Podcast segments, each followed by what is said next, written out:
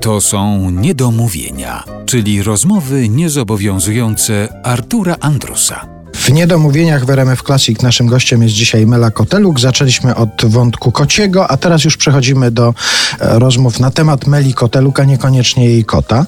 Czy ty na przykład przeglądałaś notkę biograficzną, jaka znajduje się w internecie, w tej takiej popularnej encyklopedii internetowej? Znowu? Tak. Nie i może powinnam, żeby ewentualnie zweryfikować prawdziwość tych informacji. Ja zajrzałem do tej notki biograficznej i tam zwróciłem uwagę na pewien szczegół.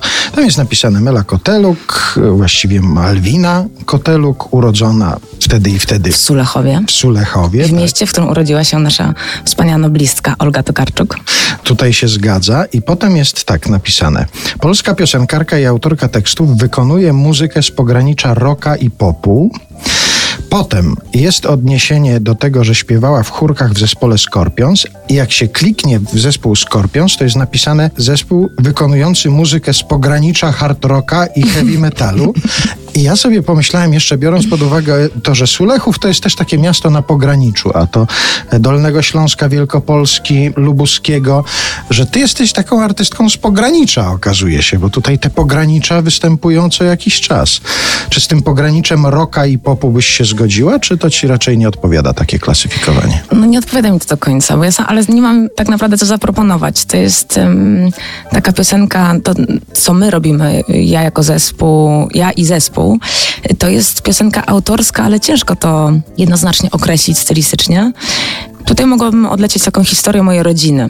My pochodzimy z y, Kresów. E, Twoi rodzice, e, dziadkowie, dziadkowie. tak, dziadkowie. I z, ze strony babci, ze strony dziadzi. Rodzice mojej babci pochodzą z Wilna, a rodzice mojego taty mieszkali na początku w Biłce Królewskiej pod Lwowem, potem przenieśli się na tereny obecnej Białorusi, czyli niedaleko Oszmian. Tam nie byłam jeszcze, ale w tym roku mm, taką późną wiosną chcemy wybrać się z tatą, żeby te tereny odwiedzić po prostu. Także to też jest takie mm, pogranicze kultur, wpływów, Zwłaszcza jeżeli ta rodzina z tamtych stron, rzucona potem w zupełnie inny świat, do innych ludzi, i tu się tworzą znowu te kolejne pogranicza, także to pogranicze będzie ci towarzyszyło. Ale ja, słuchając tego, jak opowiadasz o tej swojej rodzinie, jestem zaskoczony, że ty tak dużo o tym wiesz, bo zazwyczaj to jest tak, że my w domach niewiele rozmawiamy na temat tego, skąd pochodzimy, jaka jest nasza historia rodzinna. Ty o to pytałaś? Ty rozmawiałaś z dziadkami na te tematy? To zależy właśnie od starszyzny, czy starszyzna jest rozmowna, czy nie.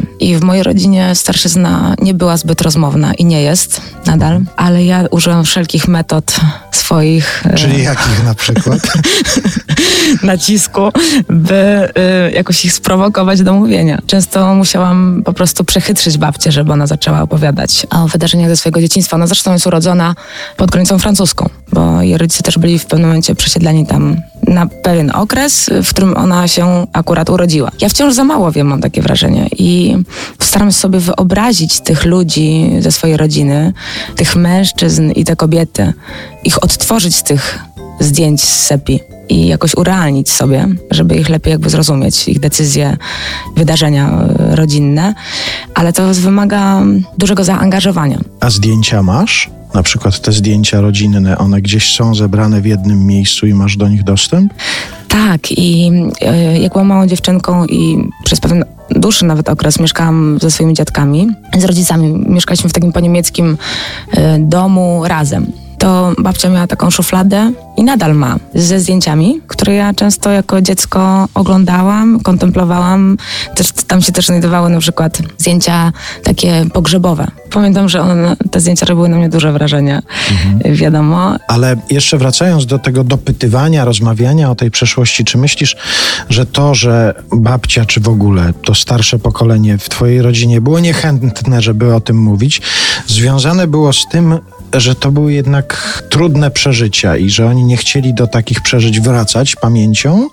Czy po prostu mają takie podejście do życia, że tam to się już nie liczy, że ważne jest to, co jest teraz, tutaj i nie wracajmy wspomnieniami? Jak myślisz, z czego to się mogło brać? Wydaje mi się, że to jest taka niechęć do mierzenia się z tymi emocjami, które im jednak towarzyszyły mojej babci jako dziecku. Ale parę razy udało mi się ją w bezpiecznej przestrzeni schwytać i, i nakłonić do, do opowieści.